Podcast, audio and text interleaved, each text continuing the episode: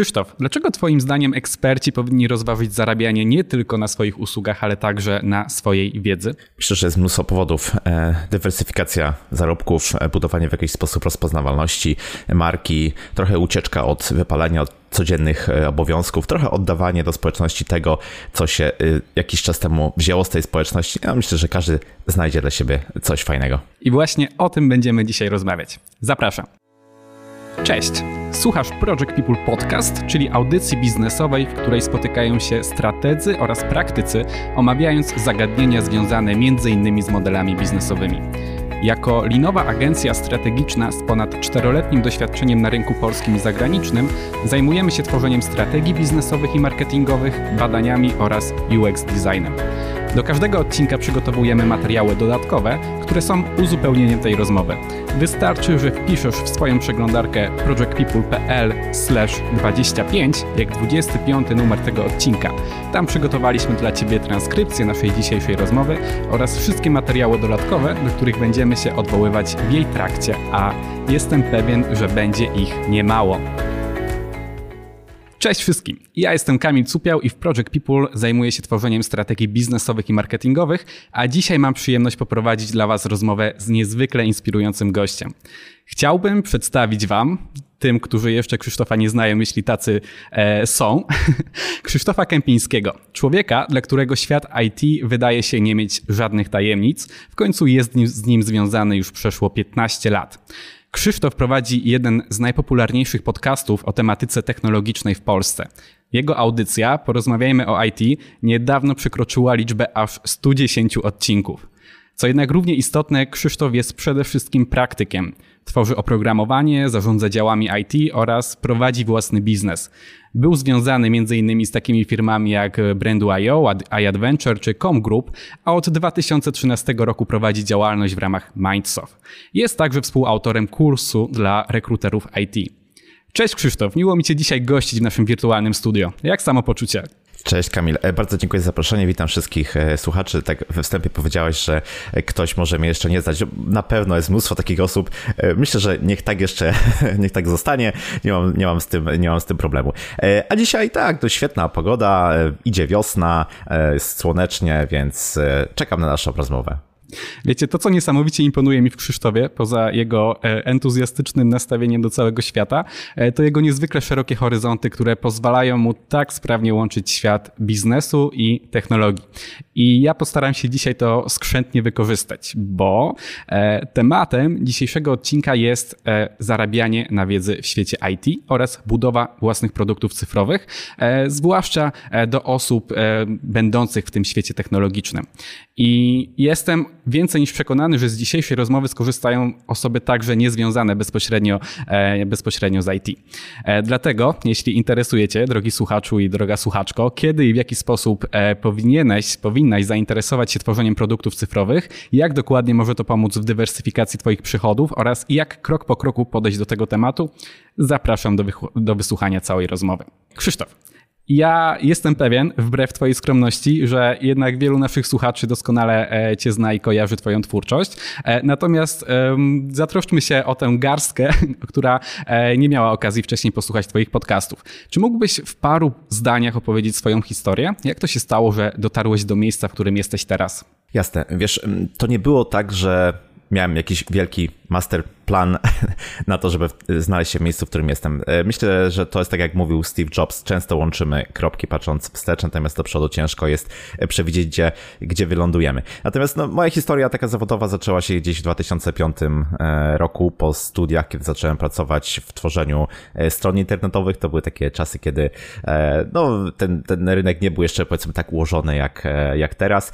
Dosyć szybko postanowiłem założyć własną działalność, własny software house. To było tak mniej więcej 6-7 lat działalności na polskim rynku. Później zająłem się freelancingiem, głównie pracą dla startupów z, ze Stanów, z, też z Niemiec. Tak, no i generalnie mój podcast w pewnym momencie też jest dla mnie taką znaczącą, znaczącym krokiem do przodu, jeśli chodzi właśnie o to dzielenie się wiedzą, występowanie trochę pod innym kątem w polskim świecie IT. No i tak w dużym skrócie tak to się stało, że jestem tu, gdzie jestem i możemy rozmawiać. To, co powiedziałeś o łączeniu kropkach, to jest bardzo często widoczne, kiedy właśnie ktoś opowiada swoją historię, bo wtedy patrząc wstecz wydaje się, że wszystko miało swoją przyczynę i powód, natomiast nie uwzględniamy w ogóle tej losowości, więc świetnie, że, że ty to dostrzegasz. Mm, patrząc na dane i statystyki, nie trudno jest dojść do wniosku, że większość osób, e, zdecydowana większość programistów czy ekspertów także w innych obszarach e, ogranicza swoją działalność do pracy etatowej, bo no, etatowych programistów mamy ileś tam tysięcy, a podcasterów technologicznych pewnie kilkunastu, kilkudziesięciu maksymalnie w Polsce. E, tobie jednak ta praca etatowa nie wystarczyła. Najpierw założyłeś, założyłeś własny software house, później zdecydowałeś się także na działalność dodatkową. I zastanawiam się, dlaczego. Tak, to jest, to jest bardzo dobre pytanie. Wiesz, myślę, że ta branża generalnie zamykając się w tym, jak najczęściej ludzie właśnie w niej e, pracują, nie ma, jest, nie tworzy takiego nacisku na, na, na pracownikach etatowych, żeby robili coś więcej. E, no bo żyjemy obecnie w takim rynku, kiedy tak naprawdę programiści są bardzo, bardzo e, poszukiwani. Może nawet szerzej wychodząc poza programowanie, można powiedzieć, że większość specjalistów IT jest bardzo pożądana na rynku, więc to, to poszukiwanie pracy, czy, czy, czy ewentualne rozglądanie się za nowymi możliwościami jest bardzo e, ułatwione. E, więc jak gdyby nie potrzeba robić nic dodatkowego, nic specjalnego, e, żeby na przykład tą, ten fajny projekt, fajną pracę sobie znaleźć. I to jest taka swoista, mam wrażenie, złota klatka, w którą niestety wpadamy, która powoduje, że nie mamy takiego, takiej potrzeby, takiej konieczności, żeby robić właśnie coś więcej. Natomiast no, w moim przypadku mm, faktycznie, faktycznie takie rzeczy, można powiedzieć, się wydarzyły, aczkolwiek wydarzyły się dosyć późno. Nie myślałem wcześniej, e, rozwijając coś tam swoją e, karierę, że będę kiedykolwiek chciał się zajmować czymś, czymś więcej niż na przykład technologią, programowaniem i zajmowaniem się technicznymi e, rzeczami. Ale miałem taką okazję, taki, taki epizod w swoim życiorysie, spędzenia wyjazdu e, siedmiu miesięcy mm, mieszkania na Malcie. I e, takie spojrzenie trochę z dystansu na to, gdzie się jest w życiu, co się chce osiągnąć i w którym kierunku się e, zmierza, pomogło mi podjąć taką decyzję, że chciałbym wyjść trochę właśnie poza tą bańkę e, pracy etatowej, pracy e, freelancera, e, pracy związanej tylko z technologią. Poczułem jakąś taki potrzebę, jakąś taką, jakiś taki zew do tego, żeby zrobić coś więcej, żeby może podzielić się trochę tą wiedzą, żeby może przestać robić to, co robiłem do tej pory, a skierować gdzieś swoje działania w innym, w innym kierunku. Nie było na początku w tym całym planie takiej chęci zarabiania na tym. Nie, nie mogę powiedzieć, żeby, żebym zaczynał tworzyć swoje, budować swoje e, kanały, zasięgi w social media po to, żeby na tym zarabiać. To, to nie była pierwsza zdecydowanie e, przyczyna ani, ani powód. Pierwsza bardzo prozaiczna rzecz to było po prostu dzielenie się wiedzą i chęć występowania na konferencjach. E, tak, e, chciałem jak gdyby zbudować swoją rozpoznawalność właśnie występując na konferencjach. I żeby się odpowiednio do tego przygotować, stwierdziłem, że podcast to będzie świetny sposób e, na to, żeby chociażby ćwiczyć wystąpienia publiczne, e, przemawianie, e, w jakiś sposób zbieranie swoich myśli, składne przedstawianie tego, co gdzieś tam w głowie, w głowie siedzi. Więc tego typu rzeczy mną powodowały. Natomiast mm, temat, który jest mi teraz też, zwłaszcza w dzisiejszych czasach, bardzo bliski, to budowanie marki osobistej i to jest według mnie też istotny, istotny powód, do którego ja podszedłem no można powiedzieć dopiero po pewnym czasie, tak, tak poważnie, zastanawiając się po co właściwie chcę to robić i e, w jaki sposób. E, mam wrażenie, że znaczenie marki osobistej będzie rosło w IT, że będziemy musieli jako e, programiści czymś się wyróżniać, czymś więcej niż tylko znajomością kolejnego frameworka, języka, bo będzie tych osób e, przybywało. Takim wyróżnikiem jest właśnie marka osobista, która pozwoli e, na zdobywanie lepszych projektów, na łatwiejsze szukanie e, pracy, na zdobywanie podwyżki, na właśnie taką możliwość występowania gdzieś na, na konferencjach, czy, czy dzielenia się swoją wiedzą, sprzedaży kursów i tak dalej, i tak dalej. Więc myślę, że to też jest istotny powód, który trzeba odnotować po prostu chęć budowania swojej marki osobistej. Dywersyfikacja zarobków może być w jakiś sposób konsekwencją tych, tych różnych rzeczy, aczkolwiek uważam, że nie ma nic złego, żeby to był nasz taki główny, czy też pierwotny cel, dlaczego w ogóle chcemy to robić. Myślę, że to, to nie jest nic złego, aczkolwiek jak się tak spojrzy na branżę i na to, co osoby, które pracują w tej branży mówią, no to tam raczej sprzedaż jakakolwiek jest źle kojarzona. Mam nadzieję i, i, mam wrażenie, że, że to się powoli zmienia, natomiast no, trzeba, sobie, trzeba sobie to jasno powiedzieć, że, że ciągle występuje takie, takie e, skojarzenie branży IT ze sprzedażą jako czymś, co trochę nie przystoi, albo co jest takie trochę brudne, co jest takie bardziej kojarzone z wciskaniem pewnych rzeczy e, na siłę. Jest to takie trochę fatum, które mam też wrażenie nad, nad branżą IT e, krąży, związane z tym, że przecież dzielimy się tą wiedzą za darmo. Przecież e, publikujemy mnóstwo rzeczy e, na LinkedInie, na blogach, podcastach i tak dalej, i tak dalej, no to dlaczego nagle ktoś chciałby e, po prostu za to, za to pieniądze? Dlatego u mnie też ta, ta mm, dywersyfikacja zarobków jako taki powiedzmy cel, czy też powód wyjścia poza robienie tylko tej pracy etatowej przyszła dopiero później, mm, nie na początku, ale tak jak powiedziałem, nie mam problemu z tym, jeśli ktoś zaczyna robić takie rzeczy z myślą na przykład o zbudowaniu kursu czy innych powiedzmy e, materiałów e, cyfrowych, jest to jak najbardziej dla mnie też w porządku. Zrobiłeś teraz takie podsumowanie z lotu ptaka całego tego procesu, co było super. Może pogłębmy teraz e, poszczególne zagadnienia, ok? I najpierw chciałbym poznać Twoją perspektywę bo wspomniałeś, że budowałeś e, markę osobistą poprzez realizację podcastu e, po to, żeby móc występować na konferencjach. A cofnijmy się teraz jeszcze jeden krok. Dlaczego w ogóle chciałeś występować na tych konferencjach? Wiesz, patrząc na mój też rozwój zawodowy i to, jakie role e, przejmowałem, no to wychodziłem powoli z takiego można powiedzieć szeregowego programistę do osoby, która powoli stawała się team leaderem, która była, miała też pozycję typu CTO, która musiała więcej rozmawiać e, z ludźmi, e, zarządzać ludźmi, mieć więcej takich umiejętności miękkich. I e, dla mnie to, to się w dużym stopniu właśnie kojarzyło z taką łatwością wyrażania swoich opinii, poglądów, pociągania innych. Po prostu też z takim warsztatem wysławiania się, opowiadania, e, pociągania innych po prostu do, swoich, do, swoich, e, do swoich pomysłów. Zawsze te osoby, które obserwowałem albo na konferencjach takich offline'owych, albo gdzieś jako wystąpienia powiedzmy e, na YouTube albo w innych kanałach, kojarzyły mi się z takim właśnie profilem osób, które oprócz mocnego tego backgroundu technologicznego posiadają też liczne umiejętności właśnie takie, na których mi zależało, czyli, czyli opowiadania, e, wyjaśniania e, i przyciągania do swoich idei. Więc wydawało mi się, że mm, pójście w tym e, kierunku po prostu ułatwi mi taką codzienną pracę i tak będzie naturalnym rozwojem dla mojego, dla mojego warsztatu pracy.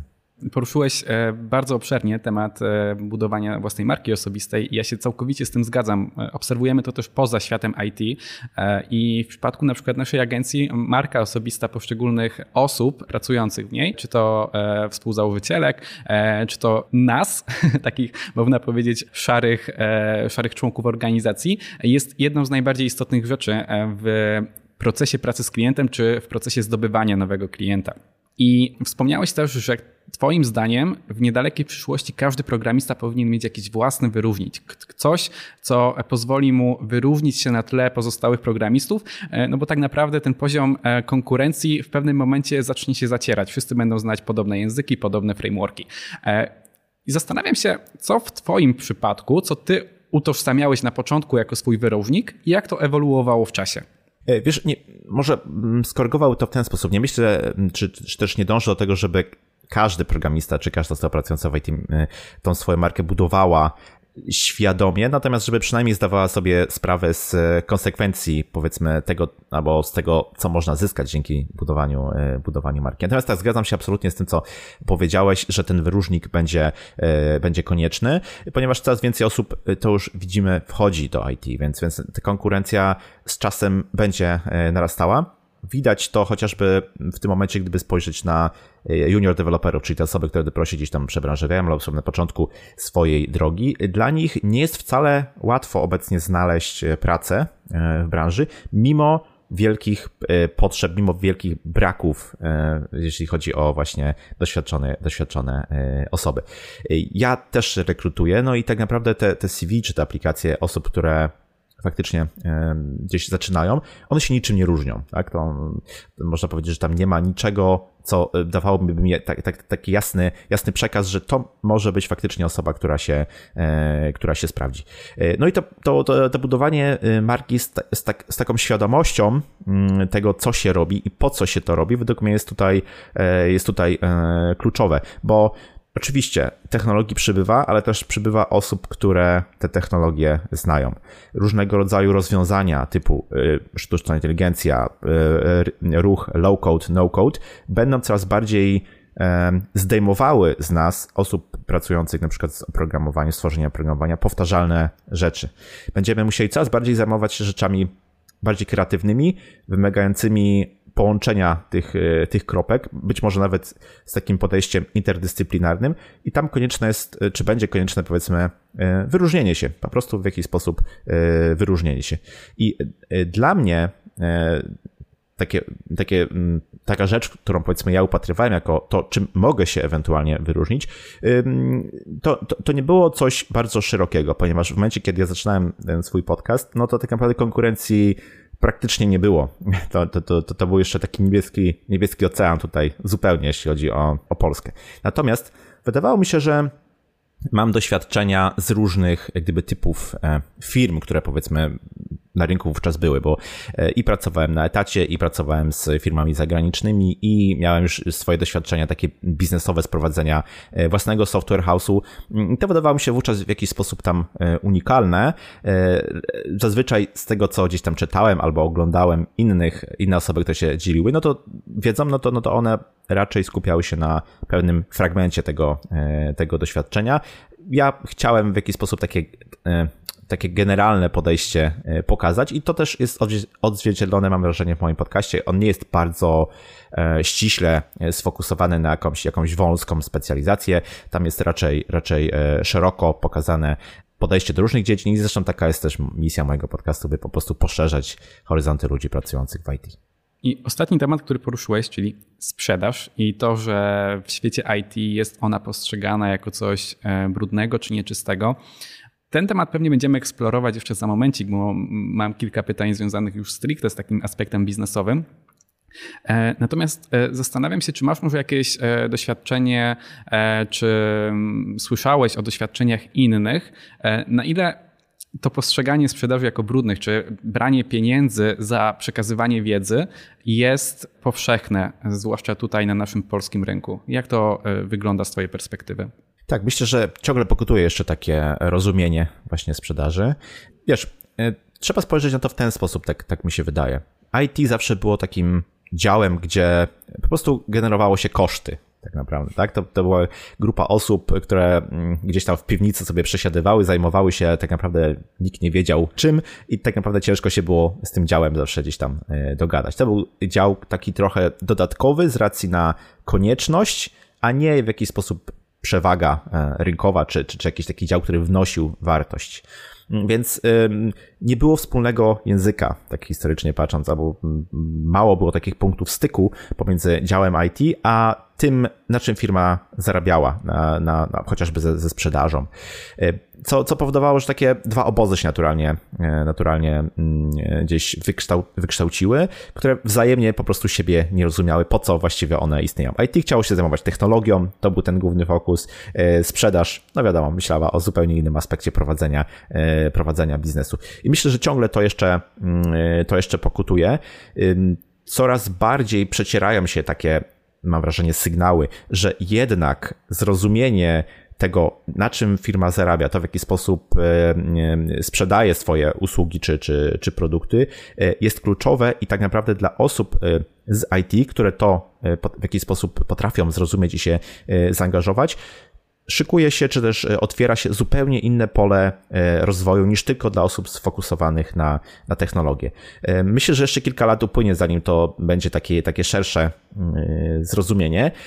Natomiast no, idzie, idzie ku lepszemu. Wiesz, potrzeba tutaj wielu zmian. Potrzeba ludzi, którzy o tym mówią, którzy mają doświadczenie, pokazują to na, na własnej skórze, że, że jak gdyby da się te światy pogodzić, że to ma bardzo pozytywny impact. Potrzeba jest też zmian w, w edukacji, no bo jak sobie jak spojrzymy na przykład na, na profil y, studiów, dajmy na to informatycznych, no to tam oczywiście większość tematów to są tematy techniczne, a nie wokoło powiedzmy, y, wokoło biznesowe, w odróżnieniu na przykład do uczelni z zachodu, więc trochę jeszcze tak wody w Wiśle pewnie upłynie, ale no mam wrażenie, że tutaj nie ma odwrotu, to musi iść w tym kierunku. Tak, ja też mam wrażenie, że tutaj ta historyczność, o której opowiadasz, wiąże się też ściśle z technologią, bo pamiętajmy, że internet jest mm, świeżym wynalazkiem i e, początkowo, e, kiedy się rodził, e, to rodził się w warunkach bardziej akademickich, mniej biznesowych, czyli ta cała kultura hakerska, ta cała kultura open source'u.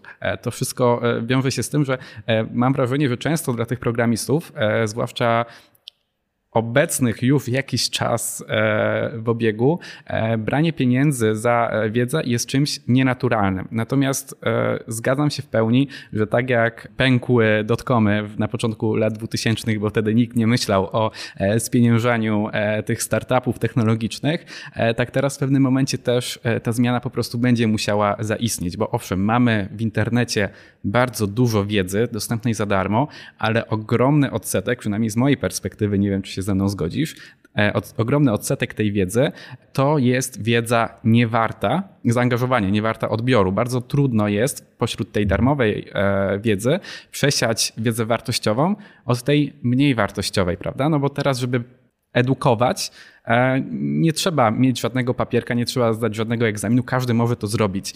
I e, trudno nam powiedzieć, obserwując jakiegoś bloga e, w przeciągu paru sekund, czy ta wiedza jest po prostu warta tego zaangażowania. Natomiast wydaje mi się, że w przypadku już mm, takich poważniejszych marek osobistych, jak ma to miejsce w Twoim przypadku, albo jakichś szkół programowania, jednak ta marka i ten poziom zaufania, to, że e, ty na przykład masz już nagranych tyle podcastów z wieloma różnymi e, osobami z branży, z wieloma ekspertami, jednak jest pewnego rodzaju gwarantem tego, że wiedza, którą przekazujesz, jest tego warta. E, nie wiem, czy zgodzisz się ze mną, czy masz tutaj jakieś inne opinie?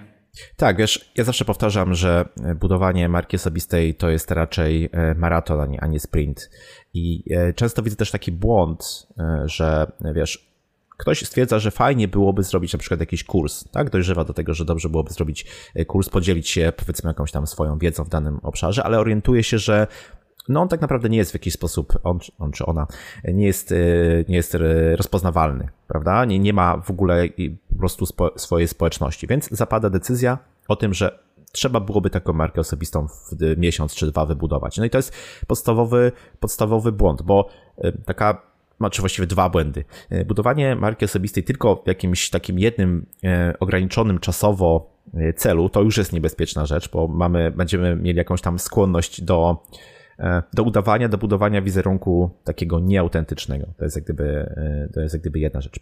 Druga rzecz to jest taka, że marka osobista to jest obietnica, prawda, jakieś dowiezienia tematu, ekspertyzy, e, jakości, wiedzy, nie wiem, doświadczenia i tak dalej, i tak dalej. I bardzo trudno jest takie rzeczy gdzieś przekazać, w jakiś sposób zakomunikować w krótkim czasie. No musi jednak być ileś tam tych punktów styku z nami, żeby ktoś miał takie po prostu pozytywne wyobrażenie, że my jesteśmy faktycznie osobami, które się znają na tym temacie, które mają doświadczenie, które potrafią się wypowiadać i mają e, coś do, do zakomunikowania. Więc e, no, takie błędy oczywiście, mm, oczywiście są, ja to, ja to, e, ja to widzę na, na, co dzień prawie. No i tutaj też jest konieczna, konieczna edukacja, co mam nadzieję przynajmniej w najbliższym czasie robić. Podrążmy teraz temat sprzedaży jeszcze troszkę. Zerknijmy może e, najpierw na e, Twój model biznesowy, to tak go nazwijmy. E, ty inwestujesz ogromne zasoby czasu i energii na budowę kapitału społecznego, udostępniając super wartościową wiedzę za darmo, na przykład w ramach tego podcastu. Natomiast oczywiście wspominałeś, że zarabianie nie było Twoim głównym celem i to jest super ale z drugiej strony nie ma chyba niczego złego w próbie spieniężania tego czasu. W końcu to jest ogrom wysiłku, który musisz włożyć w to. Więc e, zastanówmy się najpierw może nad tymi właśnie darmowymi sposobami przekazywania wiedzy, w jaki sposób można je e, monetyzować, jak ty to robisz, jak podchodzisz do sprawy. Mhm. Pewnie. Tak, to jest bardzo szeroki temat. Faktycznie, tak jak powiedziałeś, e, to, że założyłem e, podcast, nie było powodowane tym, że chciałem na nim e, zarabiać. Ale to też nie było tak, że bardzo stroniłem albo, no nie wiem, miałem, miałem takie założenie, że nigdy mój podcast nie będzie, będzie zarabiał. Myślę, że te dwie rzeczy można ze sobą jak najbardziej pożenić i wręcz powiedziałbym, że jeśli to idzie w parze, to ma takie duże szanse na powodzenie. Bo wyobraźmy sobie, że no nie wiem, inwestujemy faktycznie, tak jak powiedziałeś, sporo swojego czasu w tworzenie dowolnego e, medium, dajmy na to. No i jeśli to faktycznie nie przełoży nam się na jakikolwiek zysk, i tutaj przez zysk nie rozumiem tylko zysku finansowego, bo to może być na przykład właśnie jakaś rozpoznawalność, czy, czy, czy zupełnie inne e, pozafinansowe e, korzyści. Jeśli tego zysku nie będziemy e, widzieć, no to po prostu najprawdopodobniej zaprzestaniemy. Więc nie ma nic złego w tym, żeby po prostu w jakiś sposób nam się to opłacało. I tutaj znów nie tylko finansowo, ale w ogóle w różny sposób. Jeśli to się nam będzie opłacało, to to będzie takie samo napędzające się koło. Po prostu będziemy zainteresowani tym, żeby inwestować czas, swoje, swoje, swoje zasoby, swój wysiłek, żeby po prostu to, tą rzecz mm, rozwijać. I e, to, co często niestety widzę, to to, że podejście w IT do dzielenia się wiedzą, co, które jest oczywiście świetne, bo naprawdę mm, tej wiedzy wszędzie krąży e, mnóstwo ludzi, nie mają żadnych obaw przed tym, żeby, e, żeby to robić. Powoduje też takie nastawienie, że ta wiedza musi być darmowa, że nie powinniśmy się nią dzielić w jakiś sposób e, za, za pieniądze, bo przecież, bo przecież mm, ona krąży po prostu e, darmowa. I, I to jest oczywiście takie bardzo altruistyczne podejście do sprawy, tak to bym e, nazwał. Natomiast ja uważam, że jeśli tam nie ma trochę tego egoistycznego pierwiastka, żebyśmy my jako twórcy też coś w tym mieli, no to, to najprawdopodobniej po prostu jakość tych tworzonych rzeczy albo ich powiedzmy trwanie w czasie będzie e, ograniczone. E, w moim przypadku, jeśli chodzi o podcast, e, powiem szczerze, że nie zabiegam w bardzo aktywny sposób o to, żeby na tym podcaście zarabiać. To trochę się dzieje, że tak powiem, samo, samo z siebie. I, ale nie chciałbym, żeby to wybrzmiało w ten sposób, że tutaj jest dużo przypadku, bo uważam, że szczęście sprzyja przygotowanym i to że, że powiedzmy buduje tą, tą e, społeczność, to, że dużo swojego czasu i, i, i, zasobów w to inwestuje, to w jakiś sposób e, buduje coś, na czym, e, na czym, mogę, na czym mogę zarabiać. I, i, i ta konsekwencja tego, tego tworzenia, konsekwencja dawania od siebie jest tutaj myślę, myślę kluczowa. Więc ja generalnie na, na, na podcaście zarabiam. Oczywiście mówię o tym też w sposób otwarty. Uważam, że to też jest e, fajny przykład, e, mm, czy, czy, czy fajny taki trend, który się zapoczątkował w IT, że ludzie o tym mówią, na przykład ile na danych kursach e, zarobili i tak dalej, i tak dalej, bo to, to, to też daje jak gdyby pewien taki realizm do całej tej, do całej tej sytuacji. Więc jak gdyby realizując różne współprace podcastowe, głównie związane z uczestnictwem gościa z od firmy zamawiającej w moim, w moim podcaście, na nim zarabiam. Ale też oczywiście mam koszty, więc to nie jest tak, że, że tutaj gdyby to jest e, tylko i wyłącznie zarabianie. Podcast to są, to są realne, realne koszty. Z drugiej strony jestem też autorem kursu, na razie jednego. Mam nadzieję, że to się będzie gdzieś tam z, z, zwiększało, bo, bo, bo to jest bardzo fajny sposób na to, żeby i dzielić się wiedzą, komuś realnie pomagać, jednocześnie na tym zarabiać, więc naprawdę strategia e, win-win. E, no i też książka, którą ostatnio e, gdzieś tam zacząłem pisać, to też ma oczywiście jakiś tam swój wydźwięk taki, takiego powiedzmy potencjalnego zarabiania. Jeśli nie masz nic przeciwko, to ja bym teraz chciał troszeczkę o cyferkach porozmawiać i to, co mówisz o tym, że e, szczęście sprzyja przygotowanym. Masz na swojej stronie przygotowaną bardzo fajną ofertę współpracy. Dzielisz się tam e, statystykami dotyczącymi słuchalności podcastu, które są dość imponujące. E, ja je może teraz przybliżę. Dane z 24 lutego, z nich wynika, że Twój podcast został odsłuchany już 400 tysięcy razy i 8 tysięcy stałych słuchaczy na platformie Spotify śledzi Twoją audycję. I zastanawiam się, jak podcast o takiej skali jak Twoja, e, jak to realnie przekłada się e, na kwestie związane z tymi kosztami i z zyskami płynącymi ze współprac, które napędza właśnie ta jedna, prawdopodobnie głównie ta zakładka na Twojej stronie internetowej. Tak, faktycznie. To są takie proste rzeczy, ale bardzo ułatwiają, ułatwiają też mi życie, bo jeśli udostępnimy na swojej stronie taką zakładkę ze współpracą, no to automatycznie dajemy już obraz tego, y, jakie możliwości ktoś y, będzie miał i w związku z tym ograniczamy komunikację, no dużo rzeczy jest, jest, jest y, prostszych. Natomiast pytałeś, jakie to są mniej więcej liczby, jakie to są skale i tak dalej, i tak dalej. Ja jestem stuprocentowo przekonany do tego, że tych współprac mogłoby być sporo więcej, gdybym o nie aktywnie e, zabiegał. Ale e, chcę też mm, ten podcast prowadzić w ten sposób, żeby mm, tam pojawiały się osoby czy, czy tematy, które niekoniecznie właśnie w wyniku współprac komercyjnych miałyby się tam znaleźć. Po prostu y, staram się trzymać taki balans trochę pomiędzy współpracami komercyjnymi, a e, takim powiedziałbym naturalnym y, trybem czy, czy, czy trendem rozwoju tego, tego podcastu w postaci zapraszania osób, które po prostu coś mają e, do, e, do powiedzenia. E, koszty podcastu no to są takie rzeczy jak na przykład strona internetowa, hosting podcastowy, transkrypcje, jakieś tam płatne pluginy i tego typu, i, i tego typu rzeczy tak jak robiłem podsumowanie za zeszły rok, to tak mniej więcej to wychodziło w ten sposób, że e, około 20 tysięcy złotych to był, e, to był jakiś taki zysk tego, e, tego podcastu. W okolicach 8-9 tysięcy złotych to były, to były koszty. I jestem właśnie, tak powiedziałem, przekonany do tego, że te, te liczby mogłyby się inaczej układać, aczkolwiek to nie jest mój główny, to nie jest moje główne źródło utrzymania w jakiś tam sposób, więc też w ten sposób staram się tym e, kierować, żeby tam było jakieś wyważenie e, tych dwóch e, kanałów, że tak powiem, czy dwóch możliwości spływania po prostu tematów i gości. A przebywając w otoczeniu osób, które realizują kursy. Zresztą jesteś jedną z nich, więc na pewno w różnych społecznościach, e, do różnych społeczności tego typu e, należysz i e, wymieniasz się własnymi doświadczeniami. Może mógłbyś rzucić nam nieco światła na sprawę, jak wyglądają kwestie związane z potencjalnymi korzyściami z wypuszczenia własnego kursu na rynek. I tutaj też mnie zastanawia na przykład skala kosztów przy produkcji tego typu kursów jak, jak Twój. E, ja to faktycznie, mm, jeśli chodzi o mój kurs, nie robiłem mm, nie robiłem tam wszystkiego sam. Mhm. Pracowałem z, z, osobą, która w, miała już doświadczenie w robieniu e, kursów, więc gdyby była w stanie to zaplecze, e, studio i później obrabianie na przykład tych, tych, tych nagrań zorganizować przynajmniej. To też jest bardzo ważne, żeby mieć jakieś partnerstwo strategiczne odpowiednie przy realizacji, zwłaszcza jeśli robimy coś po raz pierwszy, prawda? Zdecydowanie. Wiesz, podobne, mm, podobne rozterki miałem w przypadku książki, czy teraz mam w przypadku książki, czy robić to w modelu self-publishing, gdzie potencjalnie e, zyski mogą być e, sporo wyższe, czy może z wydawnictwem.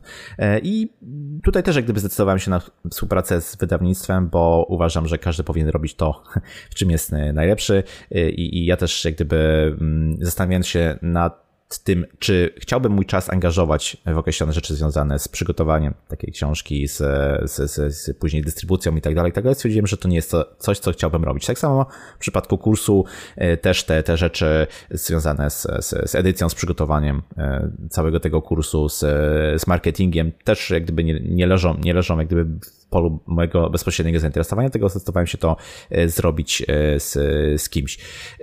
No i teraz właśnie, mam, mam wrażenie, że powoli na polskim rynku zaczyna się rodzić takie podejście i tutaj też jakby Maciej Aniserowicz jest, jest fajnym przykładem z branży e, IT, gdzie mm, osoba, która tworzy merytorycznie e, treść, to nie musi być ta sama osoba, która jest wydawcą kursu, która zajmuje się później e, marketingiem czy, czy sprzedażą. Wręcz powiedziałbym, że ta synergia działa znacznie lepiej niż na przykład to, co obserwuję od czasu do czasu, czyli takie kursy, które się pojawiają trochę znikąd, czyli tworzone przez osoby, które nie do końca właśnie tą społeczność mają e, zbudowaną. Najprawdopodobniej sporym nakładem e, czasu przede wszystkim, prawda? Ponieważ widać, że te, te, te, te mm, nagrania były przygotowywane trochę gdzieś tam w, w, domowym zapleczu przez te osoby, więc to musiało zająć naprawdę, naprawdę wiele, e, wiele czasu. Efekt jest zazwyczaj, no nazwijmy to, różny.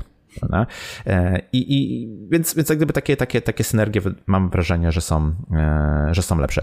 To też y, nie jest tak, że jak gdyby my tylko poświęcamy swój czas, my jako autorzy, jako twórcy powiedzmy e, tego, tego kontentu, poświęcamy ten swój czas raz na nagranie i o wszystkim zapominamy i to jest taki, taki dochód pasywny i wszystko samo się dzieje. No oczywiście, oczywiście, że nie. Trzeba pamiętać, że kurs to nie jest tylko ten materiał, to jest też sprzedaż i marketing i w to też trzeba się zaangażować.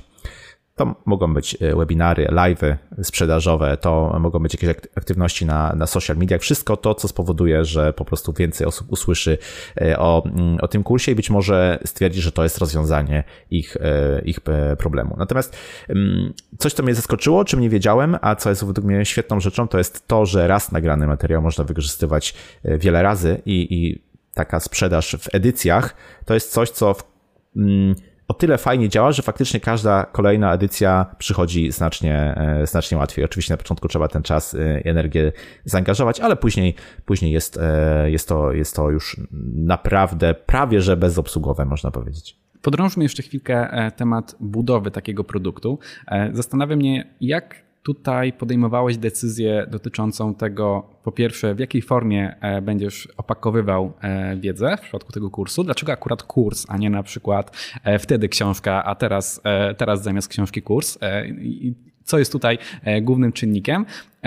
Czy może robiłeś jakieś badania rynku? Skąd wiedziałeś, co twoi potencjalni klienci, czy po pierwsze, kto jest twoim potencjalnym klientem, a po drugie, co on w ogóle będzie chciał wyciągnąć z tego kursu? Czy mógłbyś o tym opowiedzieć teraz? Oczywiście. Kurs, o którym mówimy, jest kursem dedykowanym dla rekruterów zajmujących się branżą, branżą IT. I ja uczestnicząc w rekrutacjach i też będąc rekrutowanym, widziałem taką potrzebę, czy taki, taki brak właściwie, który jest na rynku. E, tak z, z autopsji po prostu z, was, z własnych doświadczeń. Mianowicie brak polegający na tym, że osoby, które rekrutują w IT mają bardzo małą wiedzę na temat IT. Czyli nie ma tego wspólnego języka, e, to powoduje często mnóstwo frustracji ze strony programistów i te rekrutacje po prostu są e, no, nieefektywne. Więc widziałem taką potrzebę. Skomunikowałem się z osobą, która jest rekruterem w IT, która właśnie wydawała wcześniej kursy związane związane z, z rekrutacją jako, jako taką e, w ogóle. E, no i stwierdziliśmy, że faktycznie on też widzi taką, taką, e, taką potrzebę, taki, taki brak. Następnie zrobiliśmy kilka ankiet w, w social mediach, korzystając z naszych gdzieś tam list mailingowych i tak dalej. Czy, czy powiedzmy inne osoby też widzą taki, taki problem i czy ewentualnie byłyby zainteresowane skorzystaniem z takiego rozwiązania pod tytułem wiedza związana z IT, zaprezentowana przez osobę, która ma doświadczenie e, w IT, ale też wie, z czym ta, z czym ta rekrutacja e, na co dzień, e, z czym ją się je po prostu. Tak? Czyli takie, takie jak gdyby trochę inne, inne pokazanie tej samej, tej samej wiedzy. Okazało się, że było sporo odpowiedzi, które dały nam naprawdę duży insight i pozwoliły ten, ten kurs później inaczej e, trochę pokierować niż nam się na początku wydawało. E, natomiast sama skala odpowiedzi dała jednoznacznie dowód na to, że potrzeba taka e, jest, więc, więc gdyby przystąpiliśmy od razu do działania, bo faktycznie widzieliśmy, że jest taka potrzeba mm, na rynku po prostu. Jak długo zajęły Wam te badania? Mm, myślę, że to akurat był krótki, krótki czas, to znaczy mm, maksymalnie dwa tygodnie myślę, mniej więcej.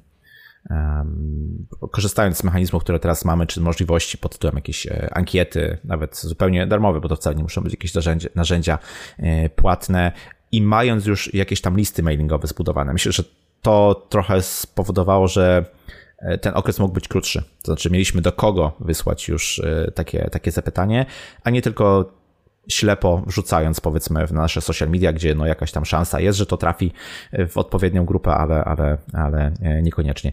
Nie posiłkowaliśmy się też w żaden sposób e, płatnymi e, reklamami, czy takim formą, płatną formą dojścia do grupy, do grupy odbiorców.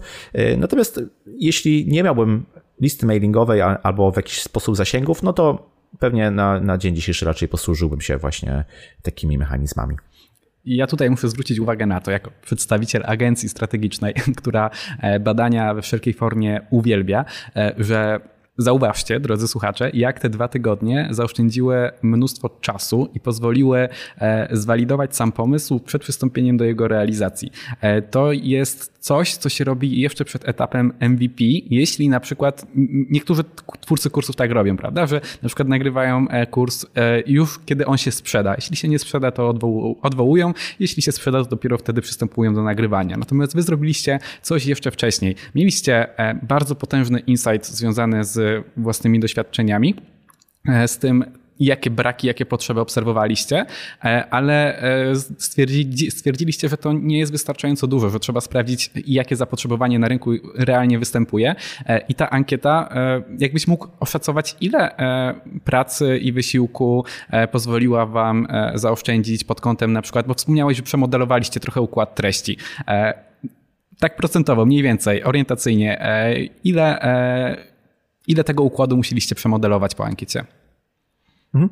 Myślę, że nie, nie więcej niż 15-20%, e, raczej na zasadzie usunięcia pewnych rzeczy, które mieliśmy w pierwotnym planie, a które nie zostały potwierdzone w odpowiedziach na tę ankietę, że to jest coś, co może ludzi interesować, natomiast dodaniem rzeczy, które zostały po prostu zgłoszone przez, przez te osoby jako realna potrzeba, realny brak. Czy na tym etapie sprawdzaliście też um, deklarowaną chęć zakupu tego przyszłego kursu? Tak, tak. mieliśmy, mm, mieliśmy oczywiście tam całą serię pytań, między innymi właśnie taką, czy jeśli taki kurs by powstał, to czy ta osoba byłaby zainteresowana e, kupnem, jak najbardziej.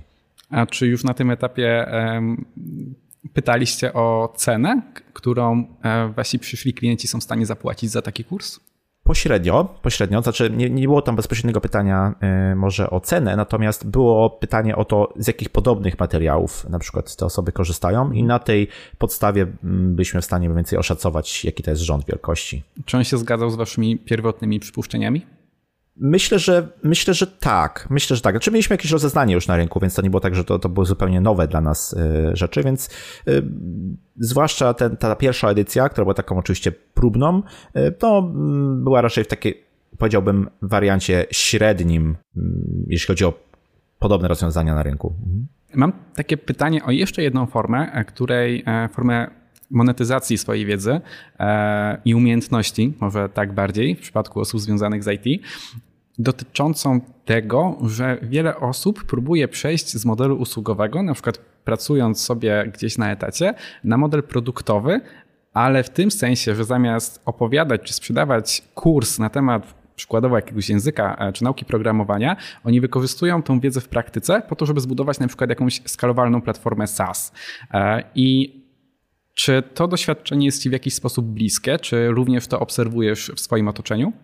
Tak, tak, faktycznie obserwuję. Sam też miałem e, dawno, dawno temu takie podejście i e, to jest e, coś takiego, czy taki, taki element, który bardzo często występuje w software house'ach, których mamy obecnie mnóstwo. Tam jest wiele kompetencji zgromadzonych w tym software house. Tak zazwyczaj jest i osoba od backendu, od frontendu, od aplikacji mobilnej, od serwerów i tak dalej, więc pojawia się taka, taka chęć, czy takie dążenie do tego, żeby własny produkt e, gdzieś tam, e, gdzieś tam zbudować. Natomiast, no oczywiście, w tych czasach, kiedy jesteśmy, powiedzmy, rozpalani różnymi informacjami o tym, e, ile dana firma zrobiła, będąc przejętą przez, prawda, jakiegoś potentata na rynku, no to, to rodzi się taka, taka chęć, żeby zbudować coś, czym zawojujemy, zawojujemy świat. Ja to, ja, ja to widzę często, między innymi na przykład u twórców gier, którzy jak gdyby marzą o tym, żeby takim, taką jednorazową aplikację nazywam grą gdzieś zawalczyć na rynku i zdobyć, zdobyć, e, zdobyć duże pieniądze. E, I no, też mm, poprzez działalność takich osób jak na przykład y, Bogusz Pękalski, który był deweloperem, teraz jest founderem i zachęca do, wręcz do tego, żeby właśnie te osoby, które mają takie zacięcie, trochę taką żyłkę biznesową, a pracują w technologii, żeby tworzyły własne sasy, y, to, to ten, ten ruch się trochę tam powiedziałbym upowszechnia, ale też urealnia, bo, bo, bo jak gdyby mm, często niestety zapominamy, czy te osoby zapominają o tym, że technologia technologią, natomiast to jest tylko jakiś tam fragment tutaj e, całości e, budowy i sprzedaży później produktu. No, myślę, że to jest e, znacznie szerszy temat. Ja tylko wspomnę, że Bogusz był gościem naszego podcastu kilka odcinków temu, więc zapraszam do wysłuchania rozmowy z nim. On opowiadał wtedy o właśnie budowie produktów i budowie produktów w oparciu o społeczność, o beta testy, o zbieranie feedbacku na bieżąco z rynku. E, I jeszcze pytanie jedno e, odnośnie tego, e, co powiedziałeś. Czy miałbyś jakąś radę, żeby to urealnianie, o którym mówisz, czy ten moment zorientowania się, że nie tylko technologia czyni biznes, czy miałbyś tutaj jakąś radę na podstawie własnych doświadczeń przedsiębiorcy, jak zwiększyć szanse powodzenia takiego projektu? Tutaj zalecałbym nie rzucanie się od razu na głęboką wodę, bo często obserwuję też, może nie często, ale obserwuję też takie sytuacje, kiedy ktoś rezygnuje nagle z, z, z etatu, czy z jakiejś takiej pracy w miarę stałej po to, żeby coś zbudować, skupiając się tylko i wyłącznie na własnym przeczuciu, że to może być produkt, który zawojuje świat. I nie ma tutaj tej, tej, tego podejścia takiego trochę na wstrzymanie, polegającego na sprawdzeniu w jakiś sposób tej, tej walidacji, czy ten pomysł ma w ogóle rację bytu. Inne takie dążenie, które widzę wśród osób technicznych, to jest poszukiwanie kofandera biznesowego, tak, który uzupełni brak tych kompetencji e, sprzedażowo-marketingowych właśnie, e, właśnie o, o, o, o tego typu rzeczy, które są niezbędne nam na początku. Jeśli takie osoby spróbowałyby oprócz tworzenia aplikacji produktu, y, spróbowały, spróbowałyby też sprzedać e, komuś tak, tą, tą, tą wizję, ten, ten, ten pomysł. Spróbowały może by gdzieś na social mediach w jakiś sposób o tym poopowiadać, to być może zderzyłyby się dużo bardziej e, z tą rzeczywistością, e, która na co dzień występuje w tego typu startupach, SaaSach, tak? gdzie, gdzie te dwa światy trzeba naturalnie ze sobą pogodzić, a wręcz powiedziałbym, że w pewnym momencie ta technologia jest trochę, trochę wtórna albo musi służyć sprzedaży, tak? czyli trzeba robić częste pivoty, zmiany, reakcje na to, jak się ten odbiór naszego produktu e, zmienia i o ile te kompetencje techniczne, twarde są tam oczywiście bardzo potrzebne, zwłaszcza na początku, żeby coś e, stworzyć, o tyle później należy jeszcze brać pod uwagę mnóstwo innych e, czynników, nie tylko e, technologicznych, ale też tych właśnie płynących z rynku. Więc takie trochę wystawienie się na te rzeczy może nam no, nie zawsze może spowodować, że, że będziemy nadal chcieli w to po prostu iść. Czyli ja bym chyba Twoją wypowiedź podsumował słowem badania. Oj, tak. Mhm. Wiesz, my też pracujemy e, z software house'ami, e, które są w podobnych sytuacjach, w podobnej sytuacji e, jak ta, o którą opisałeś, czyli że chcą zacząć budować własny produkt i o ile na przykład sprzedaż swoich usług, czyli tak naprawdę sprzedaż godzin swoich ludzi idzie im świetnie i mają świetne kompetencje, bo de facto oni wtedy realizują wymagania, które oczywiście też trzeba umieć zebrać, ale jednak realizują wymagania klienta. Tak, zupełnie czymś innym jest zebranie wymagań rynku jako społeczności, jako grupy ludzi, czy w ogóle określenie, kto na tym rynku jest naszym klientem tak naprawdę, e, to są zupełnie inne kompetencje niż to, z czym oni borykają się na co dzień. Ale e, też obserwuję wzrost świadomości w tym zakresie, czyli obserwuję, że wśród e, osób dowodzących takimi software house'ami rośnie świadomość tego, że to nie jest to, czym oni zajmują się na co dzień i to wymaga zupełnie innego podejścia, zupełnie innej sprzedaży, zupełnie innego marketingu. Wiesz, są software house'y, które zatrudniają setki ludzi, 100, 150 ludzi, którzy nie mają nikogo na przykład w marketingu i w sprzedaży.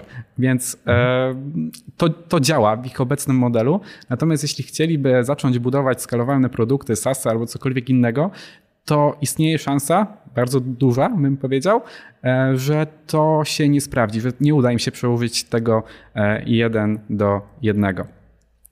Tak, wiesz, taki, taki błąd, który ja widzę i sam też popełniłem to w przypadku software house'ów, e, polega on na tym, że mm, no, nie zawsze ci programiści są zajęci w 100%. Tak? Często jest ta, ta, tak zwana ławeczka, czeka się na jakieś tam decyzje, na, na, na klientów i tak dalej, więc co zrobić z tym czasem tych osób? No to może spróbujemy budować coś wewnętrznie, coś, coś, coś naszego, jakiś, jakiś produkt. No i to oczywiście nie ma e, szans się spełnić i, i zrealizować do momentu, kiedy nie zdecydujemy, że ok, robimy sobie jakiś wewnętrzny team, e, w którym na cały etat, tak, e, po prostu dany zespół ludzi pracuje nad rozwojem tego produktu, a nie tylko z doskoku, kiedy będzie chwila, no bo wtedy to się po prostu gdzieś tam rozłazi.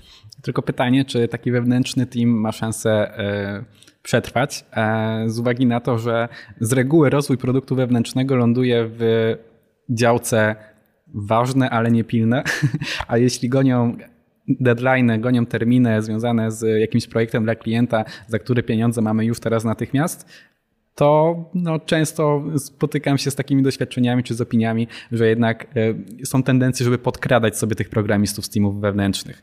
E, więc tutaj chyba wchodzi jeszcze jedno słowo, które warto poruszyć, czyli słowo strategia. Czyli software house musi po prostu być zdecydowany i musi mieć to przemyślane, opracowane i musi wiedzieć, czego chce. Tak, w 100%. Oczywiście, że to nie jest jak gdyby kwestia już teraz programistów, czy tych osób pracujących gdzieś nad rozwojem tego oprogramowania, bo dla nich to może być trochę obojętnie, czy, czy, czy, czy one pracują nad rozwojem wewnętrznego produktu, czy powiedzmy nad projektami klientów. Natomiast tak jak powiedziałeś, no to jest, to jest gdzieś decyzja i, i strategia poziom wyżej, można powiedzieć, żeby odpowiednio um, zalokować, że tak powiem brzydko, te, te, te moce przerobowe i żeby ich stamtąd nie ruszać, tak? Czyli jeśli mamy taki plan, że realizujemy projekt wewnętrzny, no to wtedy przeznaczamy odpowiednią e, ilość e, zasobów i, i, i tego się po prostu e, trzymamy ja też z własnego doświadczenia mogę powiedzieć, że robienie tego z doskoku prędzej czy później skończy się właśnie tak, jak powiedziałeś, czyli e, pojawią się e, pilniejsze e, rzeczy, no i, no i jak gdyby ten, ta, ta cała nasza strategia, ten cały nasz plan po prostu legnie w gruzach. Czyli e, miejmy strategię i trzymajmy się niej. Nie bójmy się z nią eksperymentować, ale żeby to jednak nie było tak chaotyczne, tak? Dokładnie tak, dokładnie tak. Po to jest strategia, żeby jej się e, trzymać, aczkolwiek nie zawsze, tak jak powiedziałeś, musi być wyryta w kamieniu. E, to jest też coś, co może być płynne. Pewnie w końcu od tego mamy podejścia zwinne, od tego mamy pętlę sprzężenia zwrotnego. E, już powoli kończąc, ale to jest ostatnie zagadnienie, które po prostu, o które muszę dopytać. Tworząc produkty cyfrowe, spieniężając swoją wiedzę, zastanawiam się, w jaki sposób podchodzisz do e, zbierania feedbacku, e, zarówno jeśli chodzi o treści nagrywane w podcaście, czyli pod kątem pewnie wybierania przyszłych gości czy przyszłych tematów, jak i takich produktów bardziej pudełkowych jak kurs. E, czy tutaj w ogóle zbierasz te feedbacki? Czy wprowadzasz jakieś poprawki? Jeśli tak, to w jakich cyklach, w jakich iteracjach? Jak to u ciebie wygląda? Tak, tutaj rozdzieliłbym to na dwie rzeczy. Znaczy na obserwowanie rzeczy, które, które da się mierzyć i mierzenia rzeczy, które się da. E, to znaczy Oczywiście obserwowanie statystyk, chociażby tak, odsłuchań e, odcinków z wybranych e, tam obszarów tematycznych daje mi od razu informację, czy to jest ten kierunek, który się spodobał moich, e, moim słuchaczom, więc który być może warto eksplorować i, i pogłębiać. Po prostu twarde dane, twarde liczby, z którymi raczej nie da się po prostu negocjować i, i dyskutować. Mm, co oczywiście też sprowadza się do tego, że, że w ogóle rzeczy warto mierzyć, tak, to, to, to jest jak gdyby istotny, istotny czynnik i nawet w takich działaniach open source'owych albo w takim darmowym dzieleniu się wiedzą, nadal warto te rzeczy e, sprawdzać, po to, żeby po prostu wiedzieć, jak te treści, które my tworzymy gdzieś na rynku się, e, się odnajdują. To nam może pomóc wręcz e, odnaleźć własną niszę. Inna kwestia to jest badanie takiego generalnego odbioru tych naszych treści wśród ludzi, do których ten nasz przekaz kierujemy. I ja zawsze w każdym podcaście o to proszę, zachęcam do tego, żeby taki, taki, taki feedback na kilka różnych sposobów gdzieś przesyłać. Albo e, mailowo, albo w social mediach, albo na tych różnych platformach podcastowych, gdzie, gdzie moja audycja się e, znajduje. I śledzę to na, śledzę to e, na bieżąco. Znaczy, może nie, nie codziennie, ale, ale no, co kilka dni na pewno przeglądam różne platformy, różne te miejsca, gdzie mogę się spodziewać feedbacku i po prostu zbieram ten, ten feedback. Dodatkowo o feedback też e, proszę tak bezpośrednio, przesyłając na przykład informacje na LinkedInie w wiadomościach do osób, które wiem, że na przykład danego odcinka przesłuchały, bo w jakiś sposób e, zareagowały na ten odcinek. Po prostu proszę o ten, o ten e, feedback, co można ulepszyć, co można zmienić, w którym kierunku pokierować rozwój, rozwój podcastu. I jeszcze może taką ostatnią rzeczą, którą dodam, to jest grupa moich patronów, E, dla których mam, mam osobną grupę gdzieś tam na, e, na Facebooku, o których też e, staram się dbać i prosić o ten feedback, bo to jest myślę taka, taka bezcenna, bezcenna rzecz. I kilka razy różne mniejsze lub większe gdzieś tam pivoty dokonywałem, jeśli chodzi o podcast. Tak samo jeśli chodzi o kurs. Robimy dla naszych kursantów takie, takie spotkania gdzieś tam na Zoomie, gdzie też pytamy na przykład, jakiej wiedzy im brakuje, które elementy powinny być e, ulepszone. Tak? E, o, to, o to też jak gdyby ciągle zabiegamy, żeby e, prosić o taką, o taką informację, żeby dawać też taką przestrzeń do tego, że te osoby mogą taki, taki feedback dać. Nie? Bo, bo jeśli o, o ten feedback nie pytamy, no to co najwyżej z tego, co ja widzę, można dostać e, e, hate, jeśli ktoś jest e, bardzo, bardzo źle nastawiony do tego, do tego, co robimy. Natomiast jest duża szansa, że jeśli aktywnie, proaktywnie o feedback zapytamy, to dostaniemy faktycznie, faktycznie mm, rzeczy, które warto wziąć pod uwagę. Oczywiście jest tam duża część, duża porcja mm, poklepywania po plecach albo takiego uznania, które jest oczywiście miłe, jest, jest fajne, po to też, też te treści się robi, żeby jakieś tam uznanie e, zdobyć, z którego nie wynika żadne, e, e, żadne postawienie sprawy Mm, co można byłoby zmienić albo co można byłoby by ulepszyć. Natomiast znajdują się takie, takie perełki, takie, takie rzeczy, które naprawdę warto wziąć pod uwagę, więc pytajmy o ten, o ten feedback, no i też wdrażajmy go w życie, bo to jest myślę nawet bardziej kluczowe. Tak, czasem feedback to są takie informacje warte miliony dolarów, po które po prostu wystarczy się schylić gdzieś na ulicy, tak metaforycznie mówiąc. E, ale zanim zakończymy, e, Krzysztof ma jeszcze jedno małe ogłoszenie. Tak, dokładnie. Rozmawiało się dzisiaj nam tak fajnie, że myślę, że warto by to było kontynuować. I zapraszam do e, mojego podcastu, do Porozmawiajmy o IT, gdzie 30 czerwca będę miał okazję się odwdzięczyć i porozmawiać z Kamilem albo z kimś właśnie z Project People o budowaniu produktów cyfrowych dla ludzi z IT, żeby trochę ten temat e, odczarować, e, pokazać, z czym to się je. Myślę, że taka wiedza nam, ludziom technologicznym się po prostu przyda. Zapraszam serdecznie. Bardzo dziękujemy za to zaproszenie i nie możemy się doczekać e, rewizyty. E, dobrze, Krzysztof, e, ja Ci bardzo dziękuję za rozmowę. Myślę, że obfitowała w konkrety, udało nam się poruszyć bardzo dużo e, obszarów i, i, i zdobyć na ich temat potężny insight z Twojej, z twojej strony praktyka. Rozmawialiśmy o marce osobistej, o budowaniu własnych produktów, o budowaniu zaufania społecznego, podcastach, o kursach, o książkach, o platformach SaaS. Aż trudno mi uwierzyć, że w godzinę upchaliśmy taki ogrom materiału. Ja ze swojej strony zapraszam e, naszych słuchaczy raz jeszcze na projectpeople.pl ukośnik 25. E, znajdziecie tam transkrypcję z naszej rozmowy oraz e, odwołania do materiałów, o których wspominaliśmy dzisiaj. Znajdziecie tam odwołanie i zaproszenie do podcastu Krzysztofa, do którego z tego miejsca też oczywiście bardzo gorąco zapraszam. Porozmawiajmy o IT. Zapamiętajcie tę nazwę, jeśli jeszcze jej nie znacie i koniecznie zapoznajcie się z materiałami, które Krzysztof publikuje u siebie. Naprawdę warto, zwłaszcza jeśli interesuje interesujecie się e, technologią. Mam nadzieję, Krzysztof, że miło spędziłeś czas, że przynajmniej tak samo jak ja.